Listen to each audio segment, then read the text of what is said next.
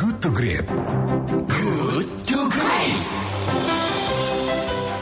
Terima kasih Anda masih dalam Good to Great because good is the enemy of great pagi ini dan kita masih berada di sesi diskusi topik Light FM dan tema yang kedua yang akan kita bahas yaitu menelaah plus minus program tabungan perumahan rakyat.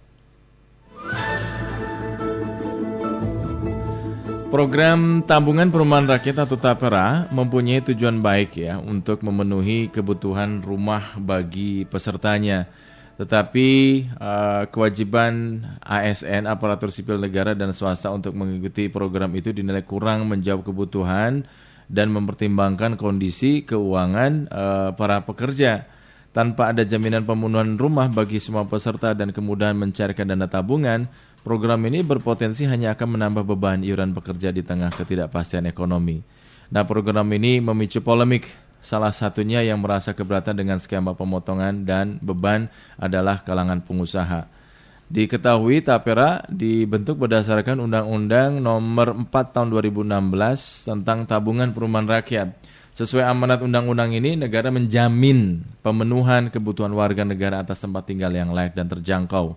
Nah, Pekerja yang pertama kali diwajibkan menjadi peserta tapera adalah ASN pada skema yang diatur dalam PP nomor 25 tahun 2020 tentang penyelenggaraan tapera. ASN ex peserta tabungan perumahan pegawai negeri sipil atau Taperum PNS dan ASN baru diwajibkan mulai membayar iuran pada Januari tahun depan. Setelah itu lingkup kepesertaan tapera diperluas secara bertahap ya. Tahap kedua itu uh, pekerja di BUMN, BUMD, TNI, Polri. Kemudian tahap ketiga berlaku untuk pekerja swasta, pekerja mandiri dan pekerja sektor informal. Lantas menelaah plus minus program tabungan perumahan rakyat, seberapa urgent program ini bagi rakyat? Bagaimana agar dalam pelaksanaan tidak memberatkan peserta maupun perusahaan? Nah, di sisi lain upaya apa sebetulnya yang mesti disiapkan agar pengelolaannya transparan dan akuntabel supaya tidak terjadi masalah di kemudian hari. Untuk menjawab pertanyaan-pertanyaan tadi, kita akan diskusi dengan narasumber yang sudah terhubung di ujung telepon, Dr. Anis Biarwati, anggota DPR Komisi 11, fraksi PKS. Assalamualaikum warahmatullahi wabarakatuh. Bu Anis? Waalaikumsalam warahmatullahi wabarakatuh. Apa kabar Bu? Alhamdulillah kabar baik. Alhamdulillah, mohon maaf lahir eh, batin. Kalau di Bandung mah AA ya, Mas ya. Kang boleh. oh Kang ya bener Kang ya. Ibu, ini kan Presiden baru-baru ini menandatangani PP nomor 25 tahun 2020 tentang tapera ya, tabungan perumahan hmm. rakyat. Bagaimana tanggapan kalangan DPR ini, Bu? Uh, ya, jujur saja kami uh, sangat terkejut ya dengan uh, ditandatanginya uh, PP tentang tapera ini mm-hmm. karena um, untuk situasi yang sekarang di mana kita tahu bahwa uh, kondisi Indonesia di tengah wabah pandemi COVID-19 ini tentu saja tidak mudah bagi uh, rakyat untuk uh, mengelola keuangannya hmm. apalagi uh, ketika memang penghasilan bulanan yang memang sudah uh, segitu-gitunya karena kan taperannya kan untuk MBR ya masyarakat yeah. dengan rendah Betul. itu masih dipotong juga gitu hmm. untuk uh, katanya iuran rumah uh, yang sebenarnya mengupayakan perumahan untuk rakyat hmm. itu adalah kewajiban negara sesuai hmm. dengan amanat Undang-Undang Dasar 45 uh, pasal 28 ayat 1. Hmm. Jadi uh, saya berpikir bahwa uh, ini ada kewajiban negara yang harus dilaksanakan, tetapi anggarannya dibebankan kepada rakyat untuk mengupayakan sendiri. Gitu. Jadi uh, dan situasinya tidak tepat gitu, mm-hmm. karena semua orang sedang kesusahan. Mm-hmm. Di tiga persen itu gak kecil gitu ya. Yeah, Jadi yeah. saya berharap uh, mudah-mudahan pemerintahnya punya empati lah untuk rakyat begitu ya. Mm-hmm. Mm-hmm. Karena selain tapera kan mereka juga harus uh, bayar yang lain-lain lagi gitu. Mm-hmm. Ya. Artinya ada, ada beban yang harus ya. di, di di cover oleh rakyat gitu. Betul. Jadi tiga persen itu dibagi dua.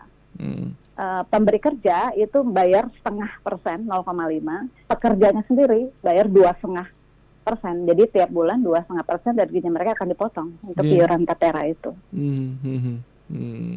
Nah ini undang-undang kan sebagai payung hukum sudah dibahas dengan DPR beberapa tahun lalu ya, Bu ya. 2014 2014. Nah, Ya, art- eh, 2014 ini sudah eh, ada eh, undang-undangnya dan setelah undang-undang itu kan harus turun dalam bentuk eh, tapera. Iya. Oh, dalam bentuk Ini, PP. PP. saya, maaf. Ah, ah.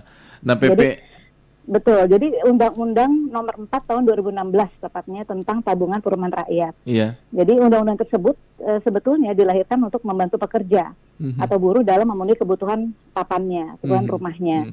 Ya. Nah, selama hampir empat tahun amanah undang-undang tersebut diabaikan. gitu. Mhm. Harusnya paling lambat itu Maret 2018 PP itu sudah terbit, Mhm. tapi diabaikan. Baru kemudian muncul ujuk-ujuk begitu ya Iya, iya. di 2020 ini gitu. Nah, saya Hmm. melihat diabaikannya selama empat tahun ini, ya saya pertanyakan di mana keseriusannya kalau memang undang-undang untuk mempermudah rakyat memperoleh rumah. Kenapa empat tidak dari kemarin nggak, 2018 eh, gitu ya? Iya gitu. Kenapa tidak dikeluarkan PP-nya gitu? Mhm, mhm. Kenapa PP-nya baru keluar sekarang gitu? Jadi itu eh, bisa menjadi indikasi bahwa pemerintah tidak serius di dalam eh, mengupayakan rumah untuk rakyatnya. Hmm, kenapa justru sekarang muncul dan ketika kita masyarakat atau rakyat di lagi menghadapi pandemi corona ya mereka free. itu yang kita gitu. tanya itu. Hmm, Oke oke. Makanya kaget. Nah menelaah plus minus program Tapera ini tabung perumahan rakyat ini seberapa urgent sebetulnya program ini bagi rakyat bu? eh mengupayakan hunian layak itu kan memang hak dari warga negara Iya. dan ini merupakan amanat Undang-Undang Dasar eh, pasal 28 ayat 1 Artinya jadi kewajiban Eh, pemerintah ya. kewajiban pemerintah untuk mengupayakan gitu Hmm. ya pemerintah harus berpikir bagaimana caranya untuk melaksanakan amanat undang-undang ini gitu. Iya. Nah, karena itu kan pengelolaan seluruh kekayaan eh, hasil bumi dan sebagainya itu kan dikelola oleh negara Iya iya. ya kan dan itu dipergunakan sebesar-besarnya untuk kemakmuran rakyat Mhm. kan begitu amanat undang-undangnya Iya. bunyi amanat undang-undangnya dan di antara kemauan rakyat itu adalah yang minimal adalah mereka terpenuhi sandang papan ya sebagai kebutuhan dasar Mhm. dan pemerintah bertanggung jawab atas pemenuhan kebutuhan dasar itu karena itu dia diberikan kekuasaan untuk mengelola seluruh sumber daya baik eh, sumber daya eh, alam eh, maupun yang lain-lain untuk dikelola Iya. gitu. Hmm. Nah, mengawal aturan ini, eh, Bu, bagaimana sikap eh, PKS sendiri agar pelaksananya tidak memberatkan peserta maupun perusahaan? Mengingat setelah ditandatangani, salah satu pihak menyatakan keberatan adalah skema pemotongan adalah pengusaha, gitu loh. Sementara PP-nya sudah keluar ini. Nah itu pemerintah. dia, Eh, itu dia, itu yang perlu kita kritisi begitu ya, itu kita kritisi. Artinya bahwa beban itu dialihkan gitu ya. Makanya banyak pihak yang menilai eh, ini upaya pemerintah lepas tangan dari tanggung jawabnya dengan membebankan eh, hunian layak untuk rakyat itu kepada pengusaha dan kepada pekerja Mhm. itu jelas ini akan memberatkan dan di saat pandemi seperti ini akan memunculkan beban baru Mhm. baik bagi pengusaha maupun eh, bagi rakyat gitu. Lalu Dan, eh, Seperti apa kan? supaya eh, seperti apa seharusnya dilakukan oleh pemerintah supaya ini tidak memberatkan pengusaha dan rakyat gitu? nah itulah kalau jadi pemerintah ya harus bisa mikir Mhm. kan gitu makanya Kang, ya. Ya namanya diamanahkan ya harus bisa mikir begitu ya. Hmm. Eh, kayak kita aja kalau kita punya keluarga nih, Akang Hmm. punya keluarga di rumah, punya istri, punya anak, Hmm. ya kan? Akang Iya. kepala keluarga kan?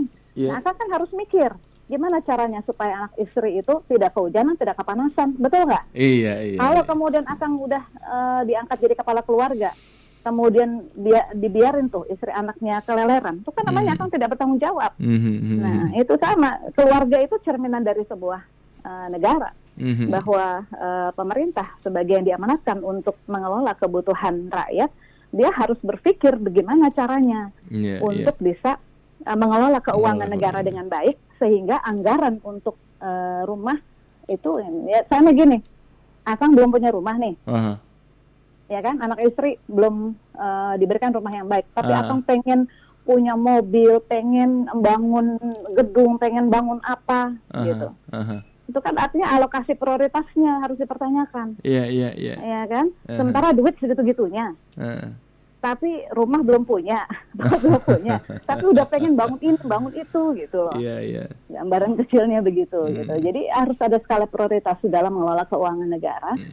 Kemudian kewajiban yang merupakan tanggung jawab itu harus didahulukan Hmm. bahwa kebutuhan dasar rakyat adalah amanah yang dibebankan uh, bukan saja oleh undang-undang, tapi ya tentu saja ya kalau dalam agama kita akan dipertanggungjawabkan dipertanggungjawabkan di hadapan Allah Subhanahu wa taala. Iya. Bu Anies di sisi lain terkait ini OJK kan sudah mewanti-wanti ke pemerintah terkait ke pengelolaannya. Upaya Betul. dan sistem seperti apa yang uh, mesti disiapkan supaya ini tidak terjadi moral hazard lah ya dalam pengelolaannya agar transparan dan akuntabel supaya tidak terjadi masalah di kemudian hari gitu, Bu Anies.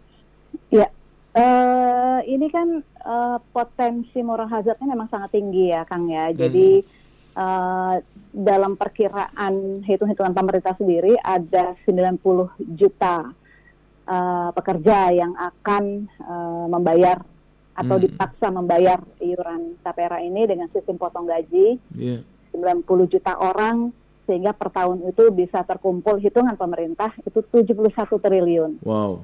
Sementara kalau eh, asosiasi pengembang, ya mereka senang aja kan dikasih Iya, proyek, betul. kemudian suruh bangun rumah. Hmm. Eh, menurut pengembang itu eh, dana bisa terkumpul sekitar 124 triliun per Hmm. tahun Hmm. untuk bangun rumah ini. Ini kan potensi moral hazard sangat tinggi gitu. Hmm. Bagaimana pemerintah menghimpun dana dari pekerja yang memang sudah segitu-gitunya penghasilannya. Hmm.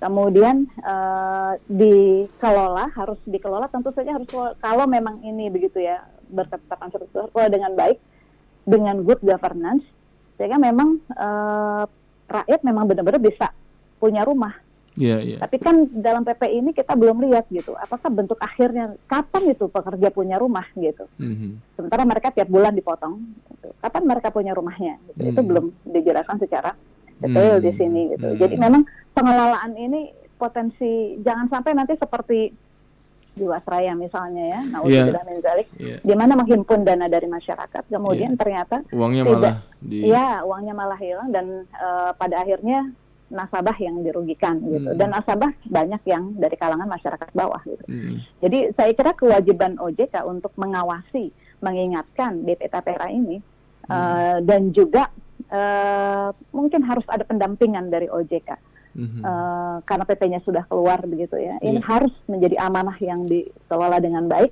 sehingga memang eh, masyarakat yang memang belum punya rumah ini dia mendapatkan eh, hasil iurannya itu dalam bentuk dalam bentuk rumah.